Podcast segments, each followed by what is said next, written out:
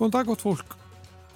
Það er samfélagið sem að heilsar ykkur þennan eh, ágæta miðvíkudag. Það er komin annar november og hér sitjum við Guðmundur Pálsson og Þórildur Ólafsdóttir og ætlum að sitja sem fastast næsta klukkutíman eða svo. Já, og bjóðu upp og eitt og annað eh, til, fyrir ykkur til þess að hlusta á aðteklisvert.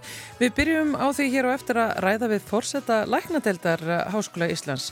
Stjórnvöld vilja að fleiri læknanæmjar séu teknir inn en eh, til þess þarf að breyta ímsu og hverju þá helst. Við fáum að vita það og eh, pælum svo aðeins í læknar skorti á Íslandi. Veltum við fyrir okkur hvort að læknar erlendis frá sé að skila sér til okkar eða hvort að Svíþjóð sé að ræna öllum læknunum okkar er læknanámið allt og erfitt og uh, fleira og fleira fyrir mig það hér og eftir. Og svo ætlum við að ræða við tvo stjórnarmenn í Hellaransóknarfélagi Íslands. Í kveiki í gær voru íslenskir raunhallarskoðaðir. Þeir eru einstakir, ekki bara vegna steinamyndunar, heldur líka vegna örvera. En þetta eru svakalega viðkvæm náttúru fyrir bæri og því er mörgum uh, hellum reynlega haldið lendum. Er það forsvaranlegt? Við ræðum meðal annars um það sem og tæknina við að skrýða inn í þröng hellisop. Svo eru málfarsmínutan á sínum stað og í lokþáttar kemur hingað ettu, etta Olgudóttir í sitt uh, vikulega vísindaspjall. En byrjum á læknamálum.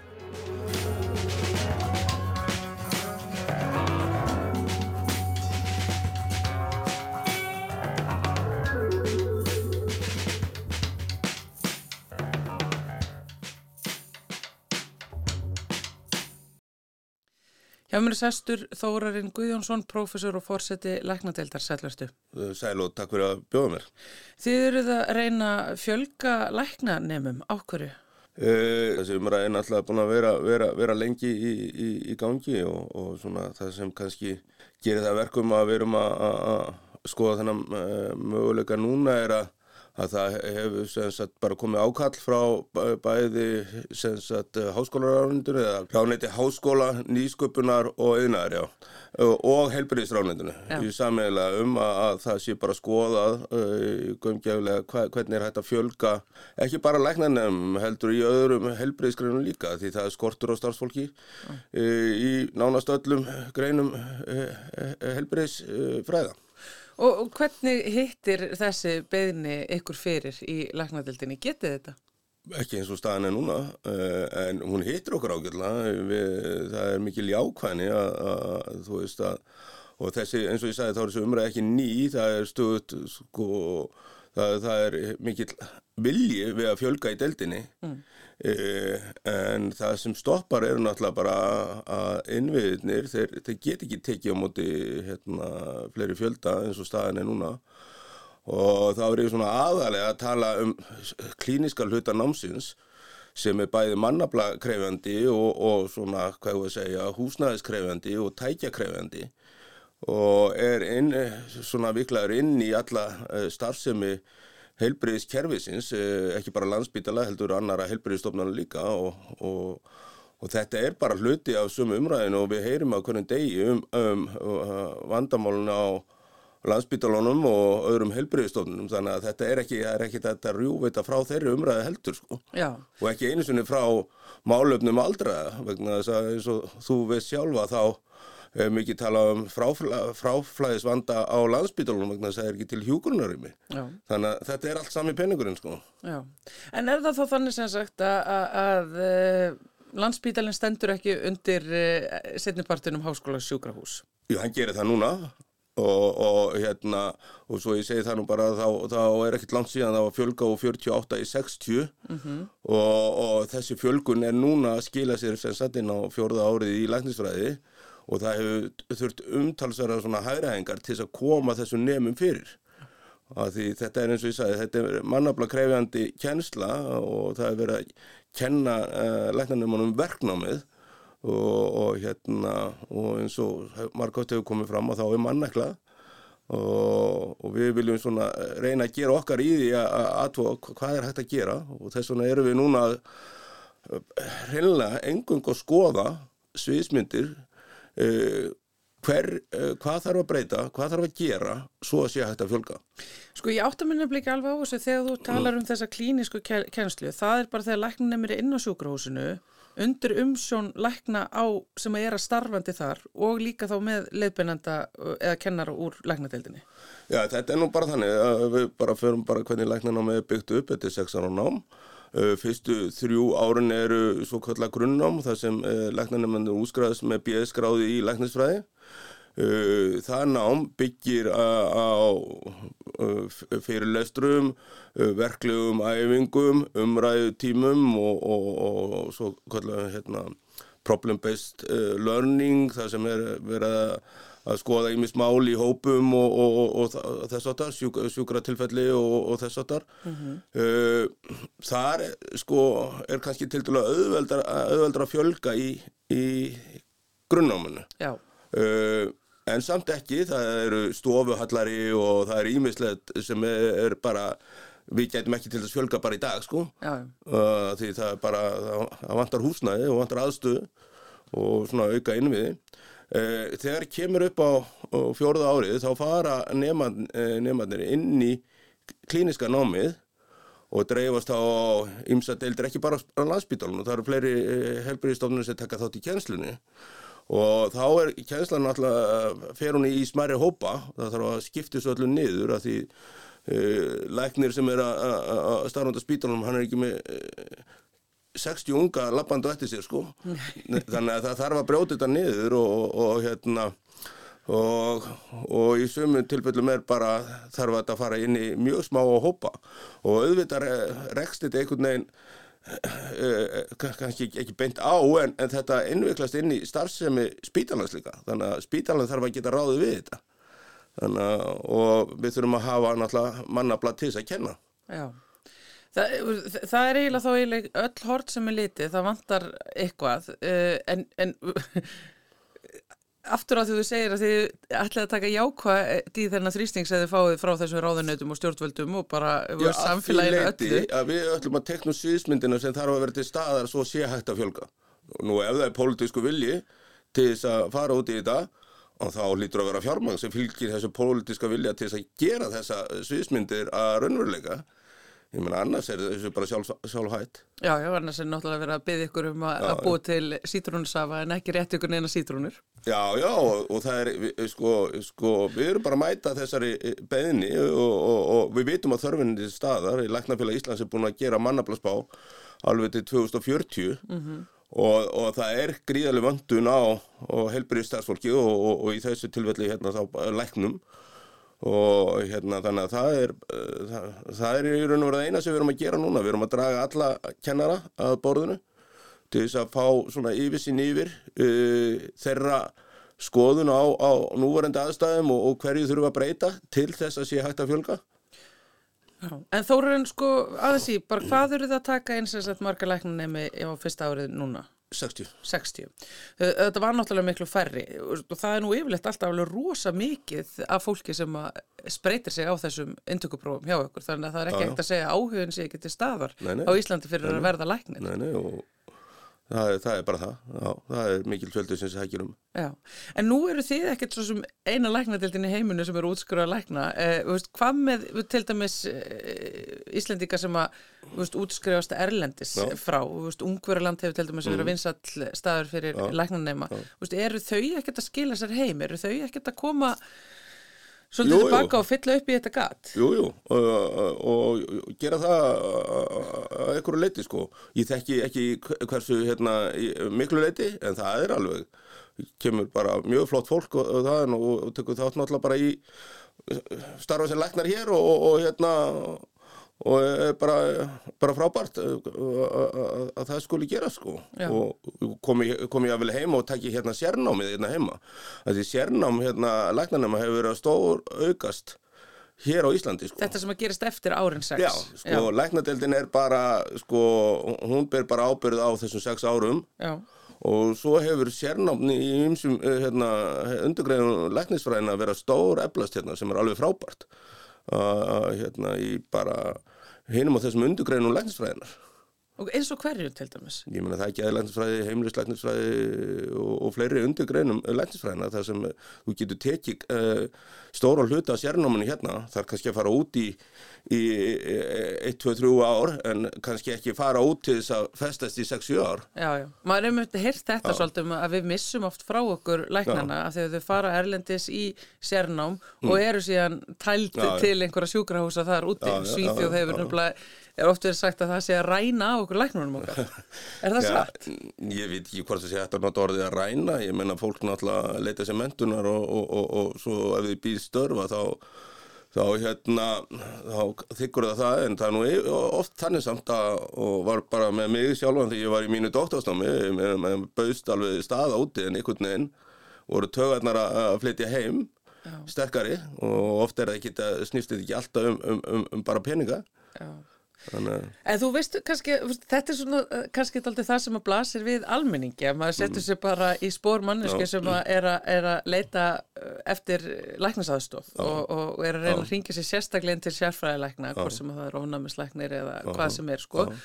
Og byggtíminn er svo svífirðilega langur að það bara er agalegt. Og þá fer maður um þetta að hugsa til veist, allra læknarna sem maður þekkir úr, úr vinahóttnum eða fjölskyldunni sem að gætu verið ofnæmislæknir en uh, eru bara í Svíþjóð og, og Noregi og, og Bandaríkunum og alls þar annar staðar. og maður upplifir einhvern veginn eins og það sé bara einn ofnæmislæknir á landinu eða einn einn ríkislæknir. Og hann var bara sinna öllum og þú þarfst bara að fara í röð. Nei, nei það, það kemur náttúrulega bara að þessu ég menna, jú, jú, ég menna fólk hugsa náttúrulega bara um, um, um hérna, bæði aðbúnaði vinnu og laun og ímislegt áður að ræðu sér til starfa og það hefur marg komið fram meðal annars í, í viðtölum við fórstur og landsbytarnas uh, að bara aðstæður eru ekki í lægi og það þarf, það þarf að laga aðstæður og hérna til þess að laga fólk til dæmis inn á, inn á spítalan Já. og þá, þá erum við ekki að tala bara um lækna, ég menna það er mikil skortur á hjúgrunafræðingum og, og, og það er mikil skortur á sjúkraþjálfurum uh, og, og þú veist, vandamálun eru bara allstæðar sko. Og hluti að þessu bara svo ég, þú veist, og kannski er stóra vandamáli í þessu öllu saman hversu mikill árangur hefur náðst í læknisfræði og skildu greinum. Við erum að halda fólki miklu uh, lengur á lífi, við erum að lækna fleiri sjúkdóma en þetta fólk fer hringrásuna aftur inn í kerfið þannig að árangurinn er að býta okkur í rassin uh, með, með að kerfi verður þingra og þingra Þeir fórnalum begin velgengni. Það má eiginlega orða þannig að því þú veist, þú hugsa bara 20-30 ár hérna, tilbaka eða, eða hvaða nú er að þá, þá þá dó fólk úr mjög alvarlegum sjútumum Já. nú er fólk að lifa alvarlega hjartasjútum og, og, og, og mörg krabbaminn og það er ekkit, ég meina, fólk er að fá kannski eitt, eitt eða tvö eða þrjú krabbaminn og yfirvinnið þau þetta, þetta gerðist ekki áður Já.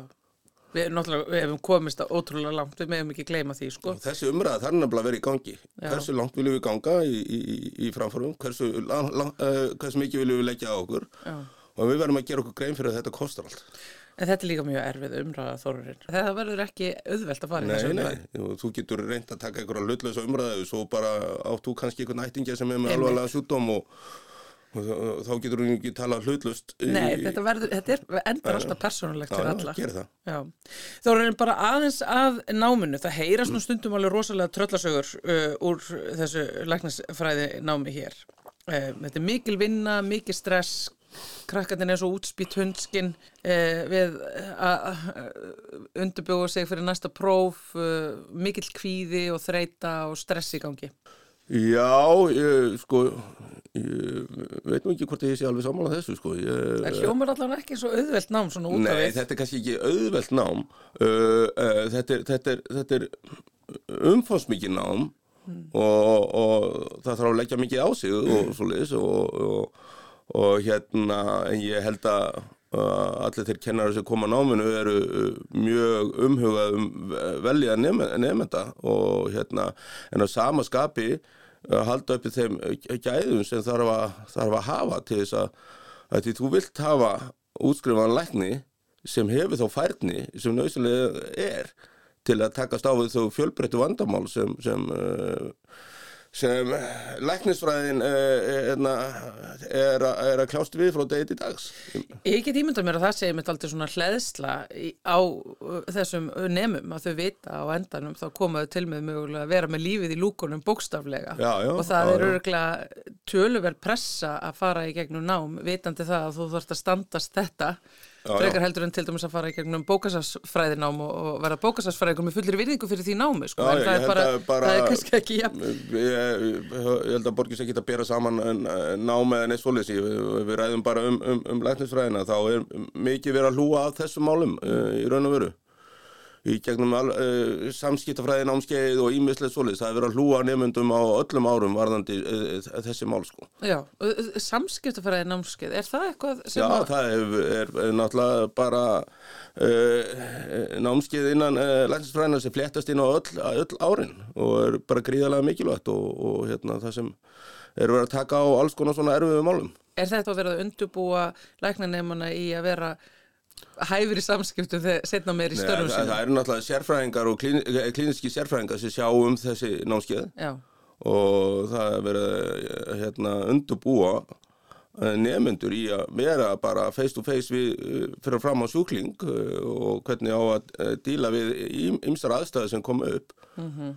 Þannig að þetta er, þetta er uh, námskeið sem, eins og segi, kemur inn á öll árin, þannig að þú eru stuðut að, að byggja óman á þetta á hverju ári. Já, þetta er einmitt annað sem maður hefur oft heist að það fara oft svo rosalega klárt fólk inn í læknisfræðina sem að vill takast við sko pressuna sem að fylgir því að klára þessi hérna, intökupróf og, og, mm -hmm. og mhm. það er náttúrulega fínt en mm. svo kannski er þetta ekkert endilega rétta fólki til þess að eiga í nánum samskiptu setna meir við sjúklíka af því að það er náttúrulega mikill samskipt og félagsstáttur sem að fylgja læknastærfinu setna meir, já, já. ekki nema allir kannski bara fara í hjartaskurleikningar og bara já, hitta alla sjúklíka sem er svæðir.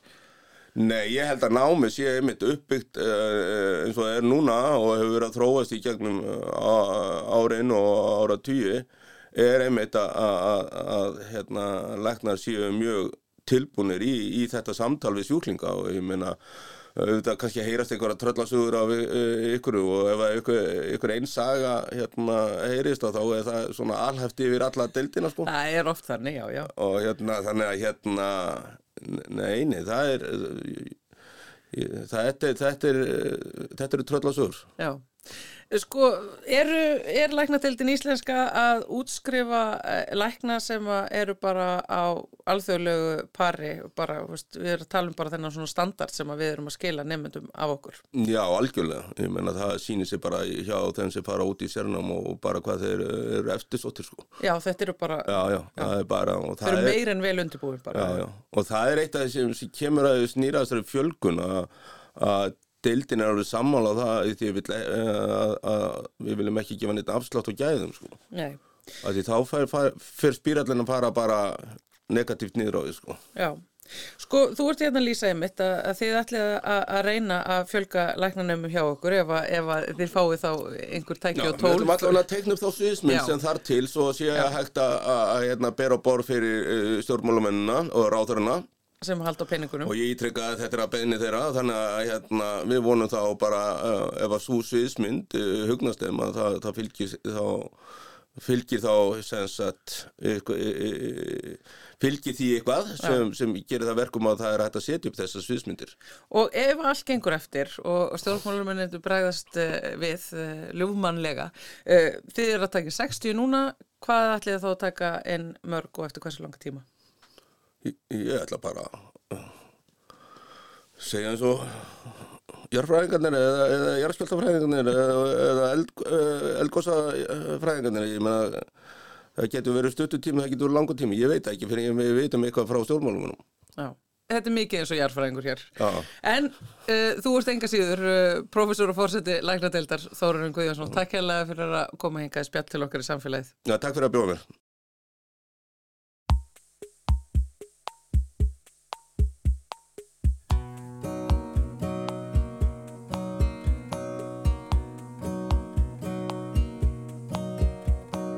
Shoot me with a rubber bullet, Cut me with a jacket knife.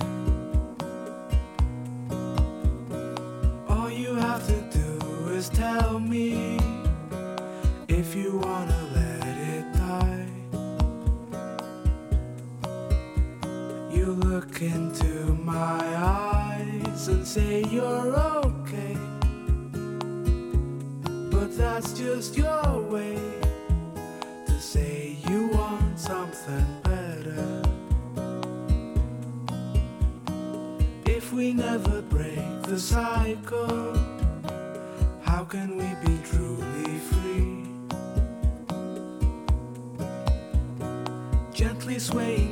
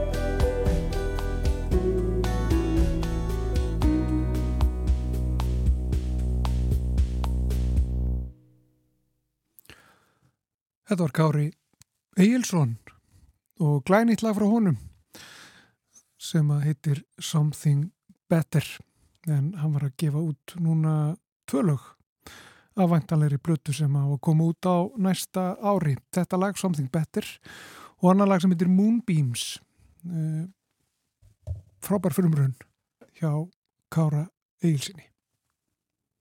Í kveikigær var fjallað um íslenska raunhella. Þar kom fram að þeir eiga margir mjög undir höggað sækja, eru náttúrulega enda afskapla viðkvæm náttúrufyrirbreyði. Sumir íslenskir hellar hafa hreinlega verið eigðilagðir. Þeir siti hjá mér Guðni Gunnarsson sem er formaður hellaransókna félags Íslands og Þórir Már Jónsson sem er í stjórn félagsins. Sælir báðu tver. Sæl. Hver er uh, tilgangur hellaransókna félagsins? Jú, við bara, við erum fyrst og fremst að rannsaka hellana og að stöðla vendun þeirra semst, og, og, og bara svona og skjálfesta þá Já. og í því felst að ljósmynda þá, kortleggja og bara og sjá til þess að þeir skemmist ekki. Og, og, þau sem eru í hellaransóknu félaginu, er, er þetta bara almenningur með áhuga? Já, það er bara alls, alls konar fólk í þessi félagi og allir bara eiga samilegt að vera með mikinn hell og áhuga, mikinn áhuga að rannsaka það og bara Já, ég veit ekki að ljóma skingilega en þetta er, Ég verði mitt að eiginlega að skilja þetta. Hvað er það sem að kveikir hella áhuga? við höfum oft rætt þetta og við skiljum þetta ekki sjálfur, þetta er bara eitthvað sem kviknar, við er bara eitthvað svona ævindir að þrá eða eitthvað sem að kviknar, bara eitthvað að sjá eitthvað nýtt framandi, eitthvað sem er falið hún í jörðinni, eitthvað dölafullt, það er svo margt sem að, En þið eru náttúrulega skrýðun í jörðina.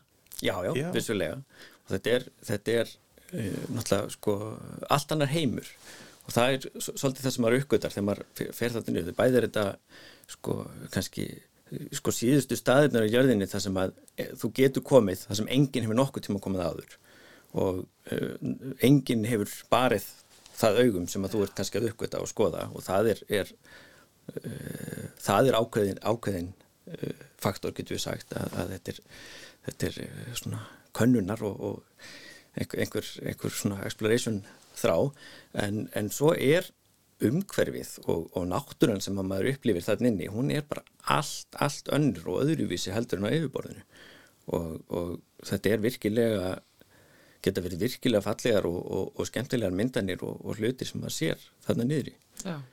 en að samaskapi afskaplega viðkvamar og, og uh, ólíkt því sem er í til dæmis kalksteinshellum sem eru svona hellin sem fólk kannast kannski meira erlendis frá Já. að þá eru alla skemmtir í hraunhellum óaftur kræfar þeir eru ekki drópsteinar og, og, og raunstra og annað er ekki eitthvað sem er í stöður í myndun heldur bara myndast þegar hellirinn er uh, virkur og er að uh, og fyrst kannski eftir að, að, að raunstreimi um hann líkur Já. og, og þar við situr eftir það eru engar, engar breytingar á þessu nema bara þegar hluti skemmast og brotna. En hvernig takist þið á við þessa dilemmu? Að því að þið hafið einhverja svona þörf og, og áhuga á að skoða fyrirbreyði hella sem að hins vegar eiðileggjast eða eru skoðaðir? já þetta er náttúrulega krefst bara aga oft tíðum. Að hérna, sumir hellar eru bara það í viðkvæmur að það áhelst bara ekki að vera mikið að fara inn í þá en svona en við stundum bara í svona vísindalegum tilgangi bara þurfum að skjálfesta þetta, við þurfum að ljósmynda þá, við þurfum að kortleggja þá. Og þá bara kannski erum við mjög fáir, bara tveir, þrýr þar sem viðkvæmstundu hellanir eru. Og þá bara erum við að tala um hvernig annan, bara passa, ekki stíga þarna, stíga þarna. Og þetta er bara, við þurfum að vera svo kettir bara, hérna.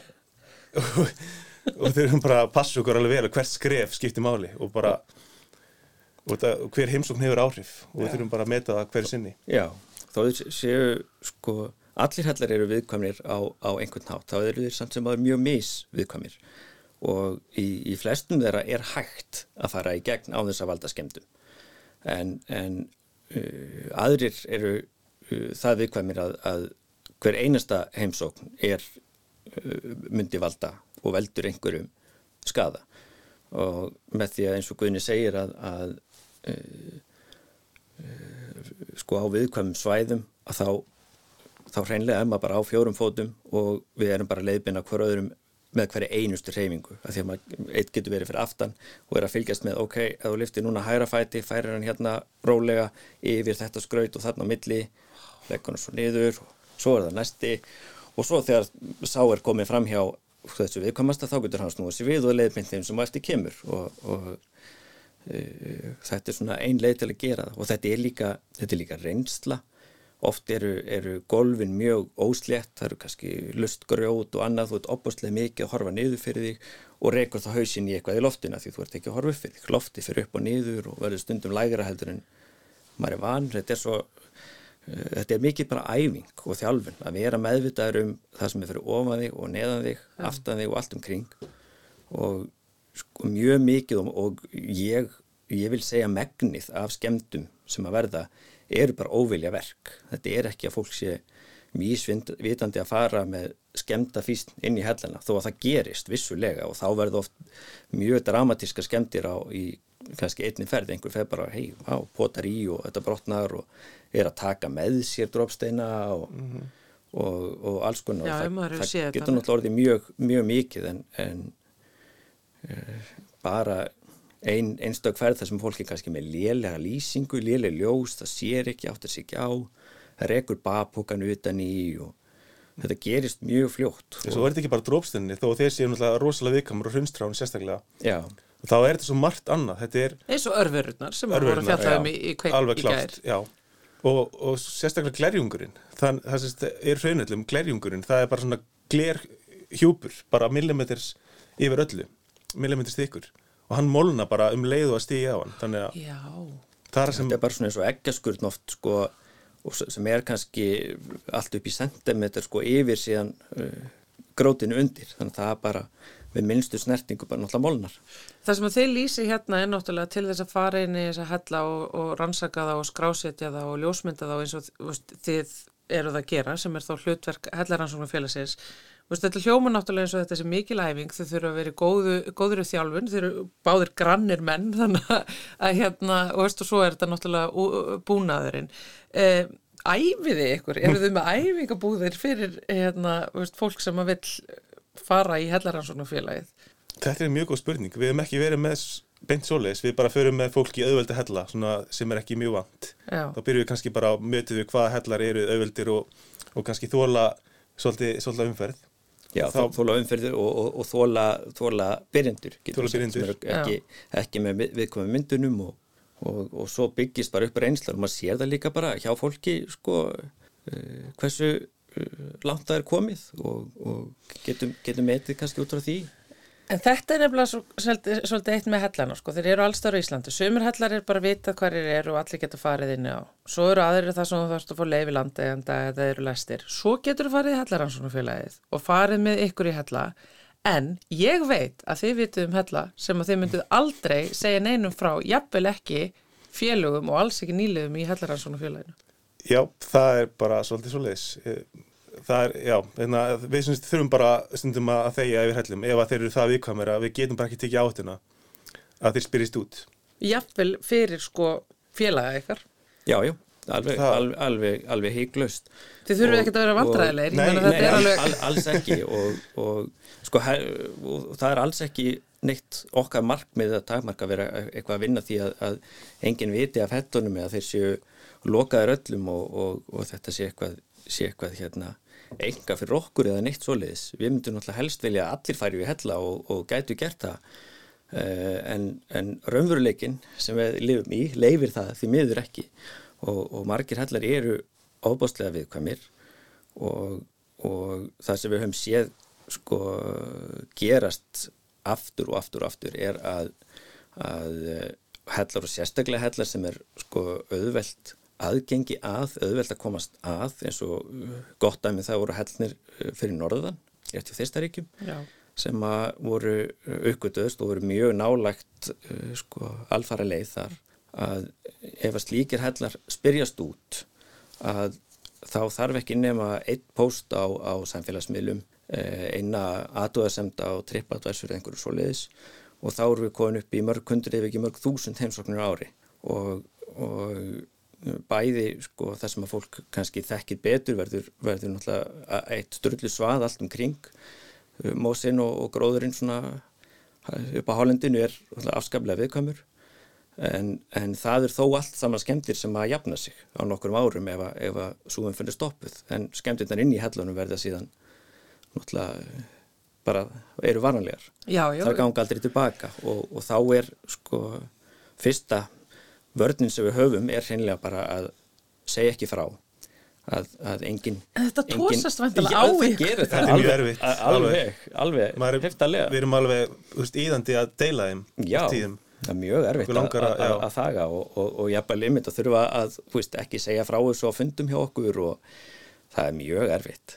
Já, við erum, við erum náttúrulega erum að hugsa um hellin og við erum að hugsa um það að fleiri geti séð hellin, hellin, hellin fleiri kynnslóður og svona sem að og, og í góðu ástandi, við, það skiljum mann eftir í góðu ástandi og stundum bara, já, við getum ekki tekið áhættuna að spyrist út bara stundum. Og, og við, ne við neytum okkur sjálfur um að fara í hella sem að eru, eru mjög viðkvæmir að, uh, að það eru hellar sem eru lokaður og, og uh, eru bara ekkert heimsóttir yfir höfuð. Við höfum farið kannski einu sinni á tíra fresti aðtóða hvort að, að það hafi nokkuð verið brotist inn eða eitthvað hafi breyst en að öðru leiti er, er bara ekkert farið í það. Þeir eru bara ofiðkvæmir fyrir almenna umferð. Já, þannig að þið vitið Og að hellur sem það hafi ekki einu sem skoða að þið vitið að með því að skoða þá getið þið eðlagt það. Þannig að neytið ykkur um að skoða. Já, og er, sko, og, og það geta verið hlutar af hellum. Við sjáum bara, ok, þarna heldur hellirinn áfram.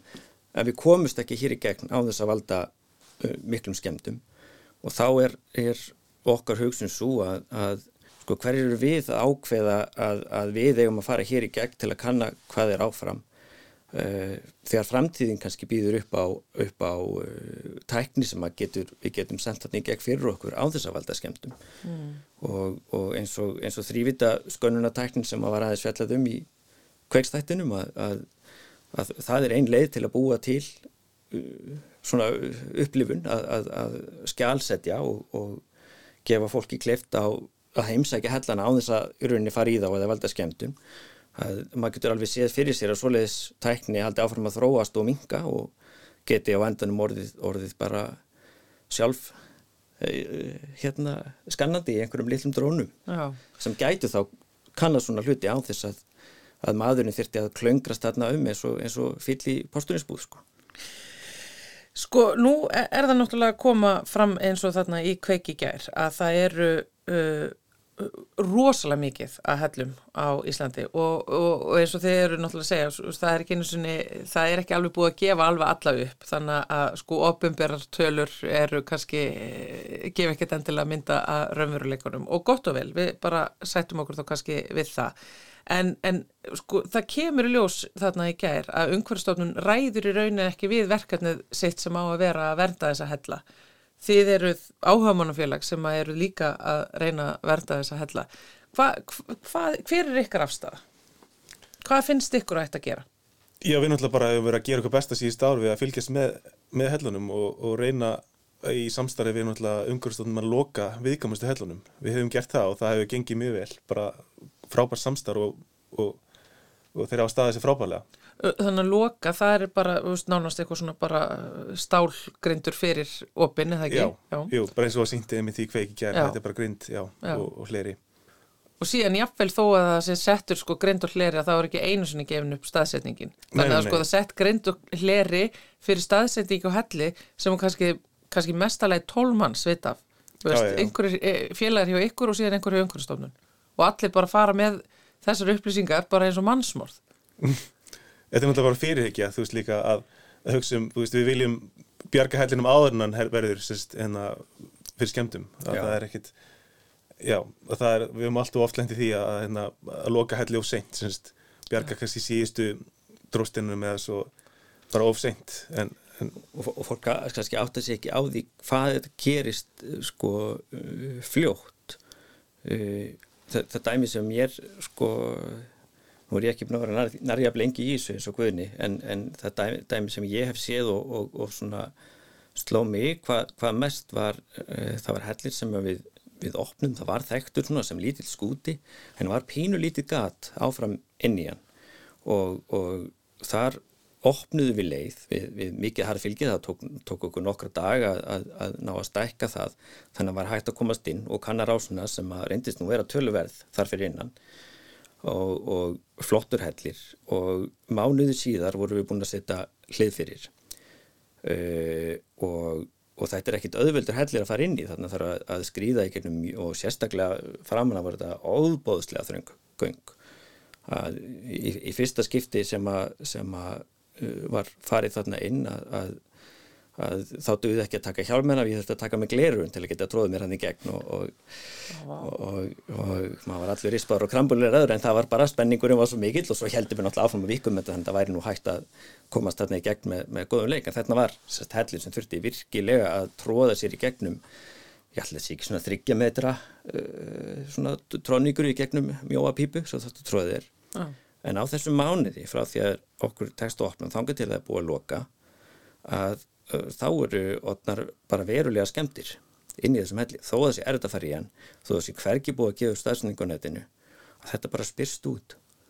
Fólk sem að tekur þátt er að segja, segja hérna mögum og, og börnunum hvað var að gera við daginn og að vera í burtu allan daginn ekki mynd örþreitt heim og húst, jú, jú, við vorum að vinna þarna í að reyna að opna þar en helli og svo bara spyrst þetta út Já, ég skil núna okkur um þetta Kertavaksum allt og, og brotin, brotið hérna svona skartni Já, já, það var alveg, alveg hellingur af það var alveg fullt af, fullt af skemmtum sko, en og, þetta, og þetta er hellir sem er erfitt að fara Já, þannig að það er, veist, það er nú ekki hægt að segja þá veist, með þessa sögu að Hellaransfélagi sé eins og eitthvað Illuminati lindarsamtök þar sem að bara veist, allir sverja eið þetta er alveg Við erum náttúrulega bara venjulegt fólk, sem að finnst óbúslega gaman að fara í hella og myndum vilja að draga hella með okkur. Já. Það vísu margir sem að, sem að hryllir við og hrista hausinn og við skiljum ekkert í því sko. Já, ég, ég get alveg innilokunarkennd Já, og og köfnunartilfinning ég get alveg fundið fyrir því sko, ég menna ef ég þurfti að fara í gegnum uh, gat það sem ég þurfti að taka mig glerugun til þess að komast í gegnum ég svona það var, ekki, það, var ekki, það var vissulega ekki, ekki mjög hérna sko ekki, ekki dæmigerð að maður þurfi þess. En sko aftur á því að þið, þetta er náttúrulega aðteklisvægt félag upp á það að það er alveg einhver svona vísindatilgangur með þessu en þið, þetta er ekki vísindafólk í þessu, þetta er áhuga manna fólk.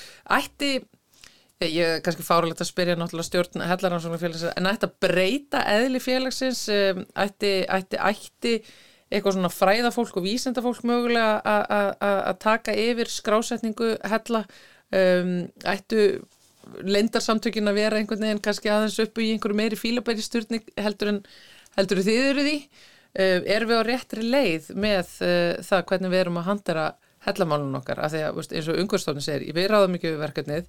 Þeir eru segir bara, við erum að reyna að halda hlutum lindum, gengur misvel en veist, það er allavega ímislegt sem við vitum og engin annar fær að vita. Hvað annað, veist?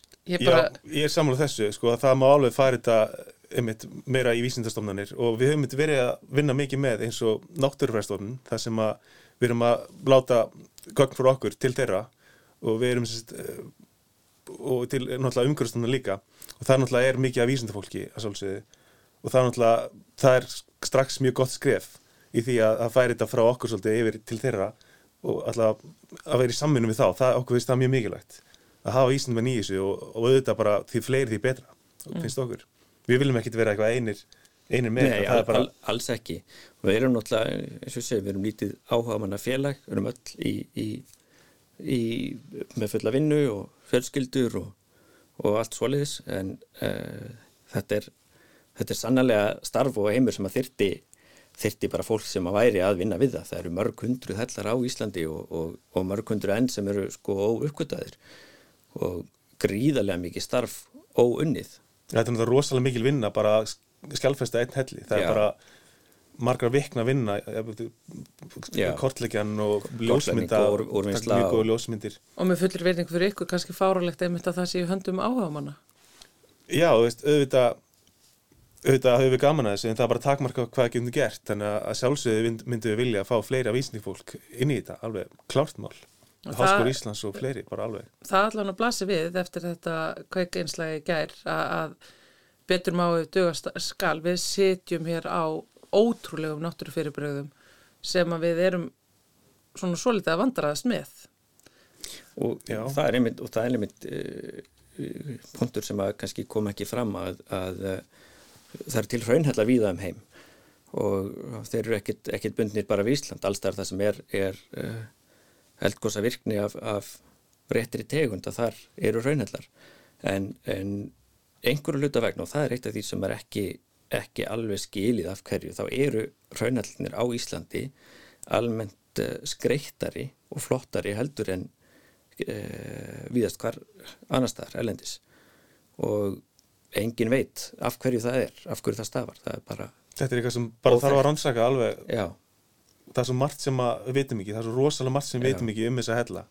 Og það er bara og, og okkur, já, við erum, inna, viljum bara endilega fá segi, sem flest vísindafólk bara með okkur þess að það, það er mikið, mjög mikið af áhverjum hlutum sem að ég held að þeir myndu alveg já. vilja virkilega að hérna vinna með sko, okkur í í þessum hellum Guðni Gunnarsson, formaður Hellaransóknarfélagsins og Þórir Már Jónsson í stjórnfélagsins uh, Takk hérlega fyrir uh, komuna. Takk fyrir. Takk fyrir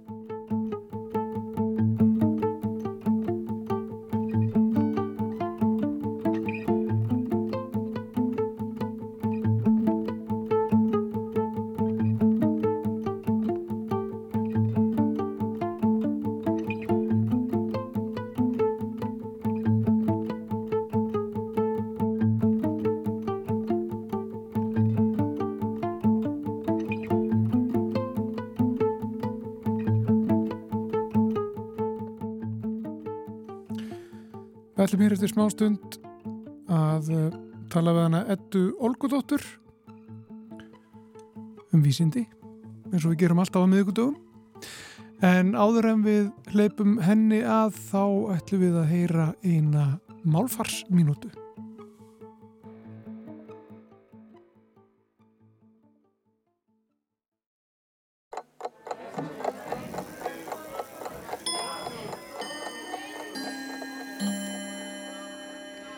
Það er skemmtilega aftreying að lesa orðabækur. Símaskráin er ekki síður skemmtilega lesning og hér áður fyrir var hægt að fletta upp aðteglisverðum og ofinnilegum nöfnum í henni. Símaskráin er ekki lengur gefin út á prenti, heldur er hún engungu á netinu. Það er þó margt forvitnilegt að finna, engum áhugaverð starfsheiti.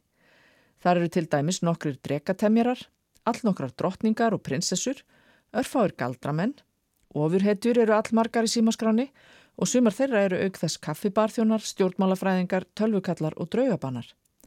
Ninjur finnast líka. Sumar þeirra eru auk þess ofurmenni og flugvirkjar.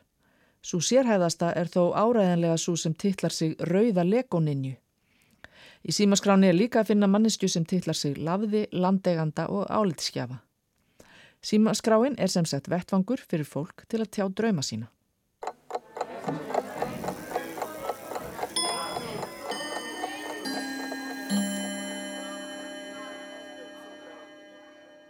Það var málfarsminútan að baki og það var Anna Sigurður Þráinsdóttir sem flutt okkur hana eins og svo oft. Og nú er hún sest hjá okkur þetta Olgudóttir. Og uh, ætlar að ræða við okkur um já það nýjasta sem er að frétta ári heimi vísindanna, þú ætlar að tala við okkur um bísfenol A, er það ekki í dag?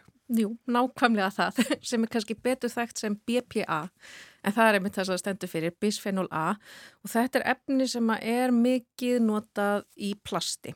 Þetta er bara plastefni sem gefur plastin ákveðna eiginleika og hérna uh, ef að plasti er til dæmis glært þá er það hérna vísbendingum hann að sé BPA Uh, en oft þegar við kaupum eitthvað svona plastflöskur uh, þá er það, er það sérstaklega mertar að þær séu BPA uh, lausar vegna þess að þetta efni er kannski ekkit sérstaklega gott fyrir okkur.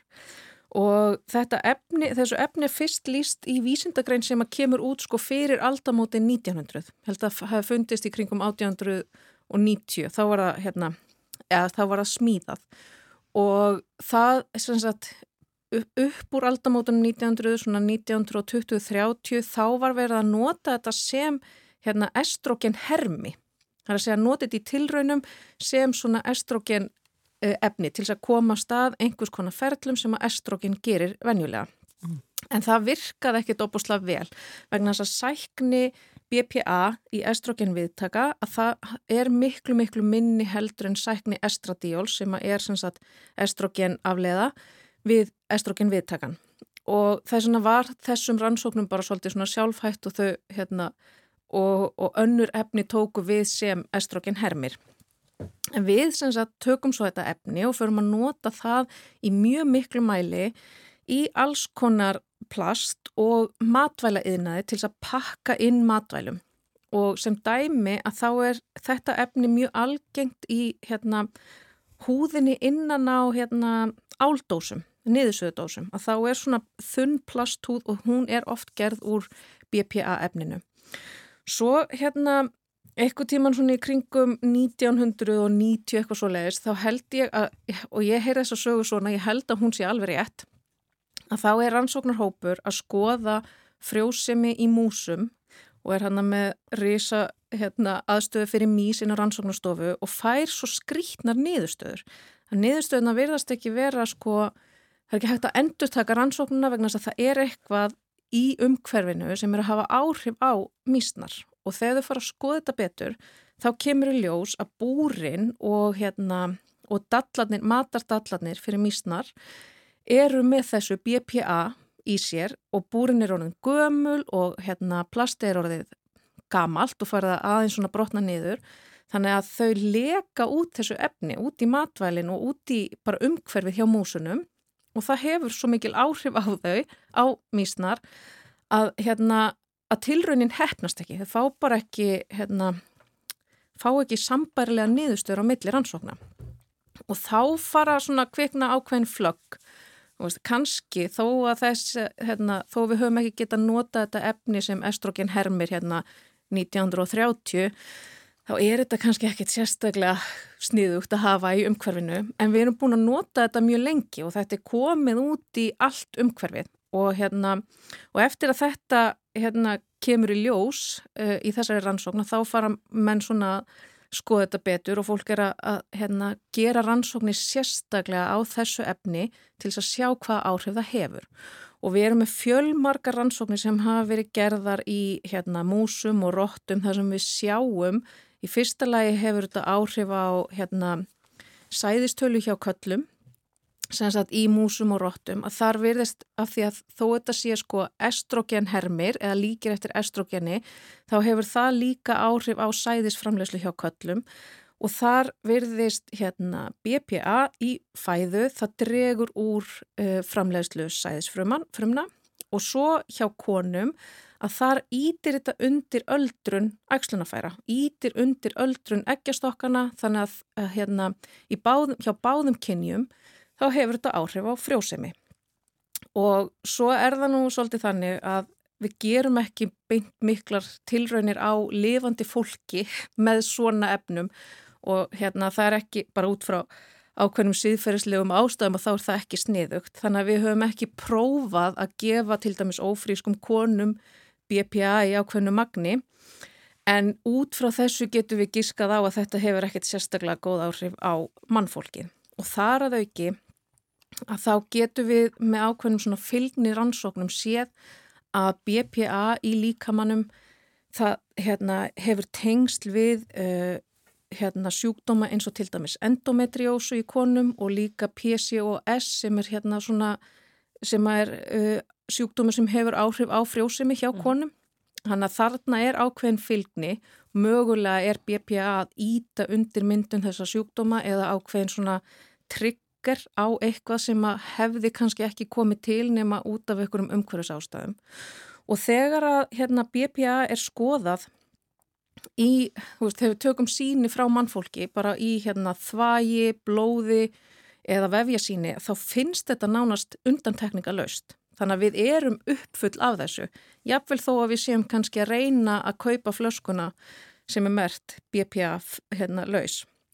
Þannig að þetta virðist verið að hafa áhrif á okkur og það sem þetta gerir er af því að hérna, efnið er svo líkt estrogeni, byggingin á því er nánast eins að þá er þetta setjast á estrogen viðtaka og þeir eru náttúrulega til staðar viðsvegar í líkamannum og ekkit endilega bara í ægslunafærum, heldur líka í heila og annar staðar og bæði hjá köllum og konum, þannig að þetta hefur áhrif á okkur hérna, hvors, hvors kyn sem við erum. Og svo er sérstaklega talað um að þetta getur haft slæm áhrif á fóstur og börn.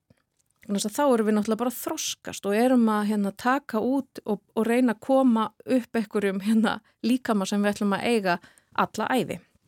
Svo þar að auki að þá verðist þetta líka hafa áhrif uh, á viðtaka fyrir skjaldkirtilshormón. Þannig að við erum ekki bara að horfa á þetta út frá kannski hérna, frjósemi, heldur líka skjaldkirtilsvirkni sem hefur áhrif á bara orkubúskap líkamanns. Um, og þetta er svona kannski ákveðið vandamál þegar við erum búin að vera að nota þetta í svona ótrúlega langan tíma og þetta finnst bara allstaðar. Þetta, er öllu kringum okkur, við borðum já. upp úr döllum sem eru með þessu í sér. Já og svo er þetta líka kannski bara erfitt að forðast þetta vegna þess að við, þetta er komið út í umhverfið okkar. En svo hérna, þú veist, hvað getur maður gert? Hvað á maður að gera til að forðast þetta? Af því að hérna nú sjáu þið allar þessar flöskur og allar þessar umbúðir sem eru merta sérstaklega BPA frítt eða BPA laust um, og hvað er þá sett í staðin? Það er, í fyrsta lagi er ekkit alltaf hérna mert hvort að BPA er til staðar en góð svona þumalputaregla er að þetta getur verið plast sem er Þið veitir það er svona þrýhyrningur sem er merkið fyrir plastið og það er alls konar tölur inn í þrýhyrningnum til að, að hérna gefa til kynna hvers konar plast þetta er og ef það er nummer þrjú eða nummer sjö að þá eru líkur á því að þarna sé BPA. Stundum er búið að taka það út og þá er búið að setja eitthvað annað inn í staðin sem að heitir þá bisphenol S eða bisphenol F og það er bara minna rannsakað. Þannig að við vitum ekki hvort að það hefur sömu áhrif á BPA.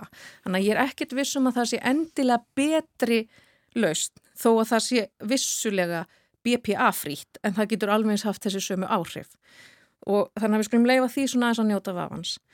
Um, en hins vegar getur við þá bara valið uh, umbúðir sem eru ekki plast og til dæmis ef við erum að geima matvæli, ef við erum að geima afganga eftir kvöldmatinn þá er betra að geima það í gler uh, hérna dung, frekar enn í plastung uh, ekki hýta matinn í þessum plastung vegna þess að þegar að plasti hittnar að þá eru er meiri líkur á því að það leki.